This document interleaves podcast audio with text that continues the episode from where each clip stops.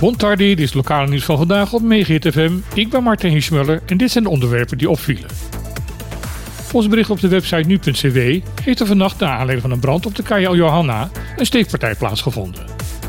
Toen de brandweer na het blussen van de brand een onderzoek begon naar de oorzaak ervan, zou er een discussie zijn ontstaan door wie de brand zou zijn veroorzaakt. Die zou de zoon van de familie zijn vader met een mislijf zijn gegaan en daarna ging hij op de vlucht. De vader raakte bij de schermutseling zodanig gewond dat hij per ambulance naar het ziekenhuis gebracht moest worden. Rond half zeven vanochtend is volgens het bericht de 19-jarige zoon door de politie aangehouden. Ook hij bleek ernstig gewond te zijn en moest per ambulance naar het ziekenhuis. De politie doet nog verder onderzoek. In aanloop naar de eilandsraadsverkiezingen op 15 maart waarschuwt het Openbaar Ministerie BES voor mogelijke strafbare feiten. De OM benadrukt dat in een democratie deze verkiezingen vrij behoren te zijn en dat er vanuit politieke en maatschappelijke organisaties geen druk op stemmers uitgeoefend mag worden. Dit is vastgelegd in de kieswet. Deze wet is ook vastgesteld welke sancties staan op het strafbaar handelen rondom de verkiezingen. Het OM zegt de komende tijd alert te zullen zijn op signalen van ongeoorloofd gedrag rondom verkiezingen. Indien nodig zal het OM daar ook nader strafrechtelijk onderzoek over instellen, ook wanneer hier geen aangifte voor gedaan is. De kieswet stelt het ronselen van volmachten strafbaar. Zelfs als deze volmachten worden afgegeven zonder dat er een vergoeding tegenover staat. Op het illegaal verkrijgen van volmachten staat de gevangenisstraf van 6 maanden. Meer informatie hierover is te vinden op www.bonairestemd.nl.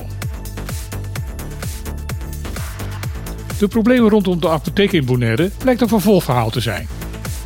Was eerst sprake van een chronisch personeeltekort, nu is daar een chronisch tekort aan beschikbare medicijnen bijgekomen. Dit blijkt uit artikelen in het blad Extra en het Antilliaans Dagblad. Het medicijntekort is een niet in Bonaire veroorzaakt probleem. De oorzaak moet worden gezocht in Europees Nederland, het land waarvan wij onze medicijnen betrekken. Steeds vaker melden de media daar dat de aanvoer van medicijnen hapert en in veel gevallen zelfs helemaal stokt. Momenteel zou er in Nederland een tekort zijn aan 1500 verschillende medicijnsoorten. Dit wordt mede veroorzaakt doordat er vrijwel geen bedrijf meer zijn in Nederland die zelf nog medicijnen produceren. Dit is vrijwel volledig uitbesteed aan bedrijven in lage lonenlanden, waaronder China.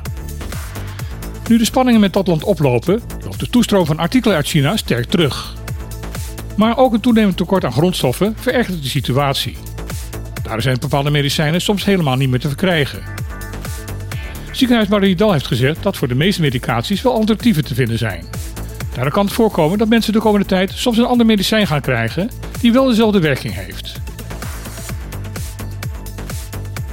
De Curaçaose Tula moet niet gerehabiliteerd worden, maar juist de geschiedenis ingaan als een misdadiger die onder zijn leiding in de tijd een Nederlandse onderwijzer heeft laten martelen en vermoorden. Dat is de mening van de Tweede Kamerlid van de PVV Martin Bosma. Hij maakte dit standpunt bekend tijdens zijn bijdrage vorige week in het debat in de Tweede Kamer over het excuus van de regering over het slavernijverleden. Om dit nog duidelijker te maken diende Bosma namens de PVV ook een motie in. Hier roept hij de Tweede Kamer op Tula niet te eren en geen onderdeel te laten zijn van het komende herdenkingsjaar. Vandaag bleek tijdens de stemmingen dat de overgrote meerderheid van de Tweede Kamer deze opvatting van de PVV niet steunt. De motie kreeg alleen steun van de eigen fractie en de drie kleine rechtspartijen in de Kamer.